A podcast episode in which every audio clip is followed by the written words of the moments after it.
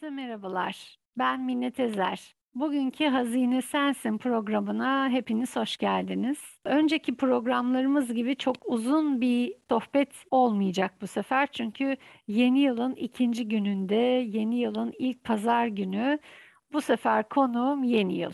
Yeni umutlar, dilekler, hayaller, istekler, niyetler. O nedenle konuyu çok fazla uzatmayacağım kısa özet bir program yapmaya karar verdim bugün için ve kıymetli bir hazineyi yine ağırlıyorum bu programda. Yeni bir yılı, 2022 yılını. Evet bir hazine. Neden? Çünkü hayallerimiz, isteklerimiz, dileklerimiz hepsi ortaya çıkarılmayı bekleyen hazineler bence. Tıpkı yeryüzüne, gün ışığına çıkarılmayı, keşfedilmeyi bekleyen madenler gibi, yerin altındaki elmas madenleri gibi ve daha nice hazineler gibi. O nedenle de yeni yılın bu ilk pazar gününde Hazine Sensin program konuğum 2022 yılı oldu. Koskoca bir yılı bitiriverdik. Göz açıp kapayıncaya kadar geçti bitti sanki ama içinde yaşarken e, acı tatlı birçok olaylar, pandemi,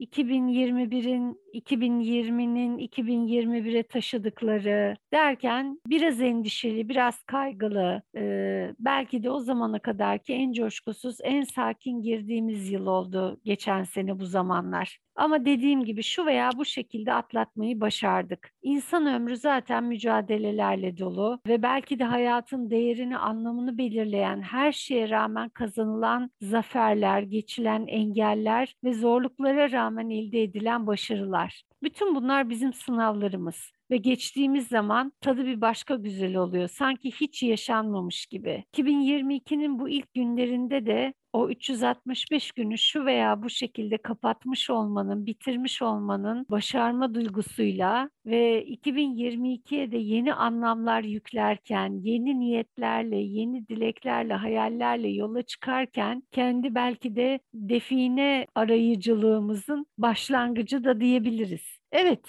2020-2021 yılını kapatmayı başardık. Her şeye rağmen çok şeyler başardık. Lütfen rica ediyorum, şimdi siz de kendi başardıklarınızı mutlaka düşünün. Aldığınız gönülleri, el uzattığınız insanları, gülümsemenizle ışıldattığınız yüzleri, ve daha birçok şeyi düşünüp lütfen kendinizi takdir edin olur mu? Başardım diyebilmek için öyle çok büyük şeyler aramayın. Evet yaptım, başardım, işte oldu diyebilmek için illa çok büyük maddi şeyler beklemeyin. Bir gülümseme bile bir umut birileri için. O nedenle de 2021 yılında her şey ve herkese rağmen bence çok şeyler başardık. Zorlandık ama uğraştık ve umudumuzu yitirmedik. 2022 yılı için her şey daha yeni başlıyor ve yapacak çok şeyimiz var. Aynı heyecanla çok daha fazlasını başarmaya niyet ediyoruz o coşku, o enerji ve en önemlisi de o umut içimizde. İşte yeni yılın bu ilk günleri, yeni hedefler, yeni yol haritaları ve bütün bunlar çok heyecan verici.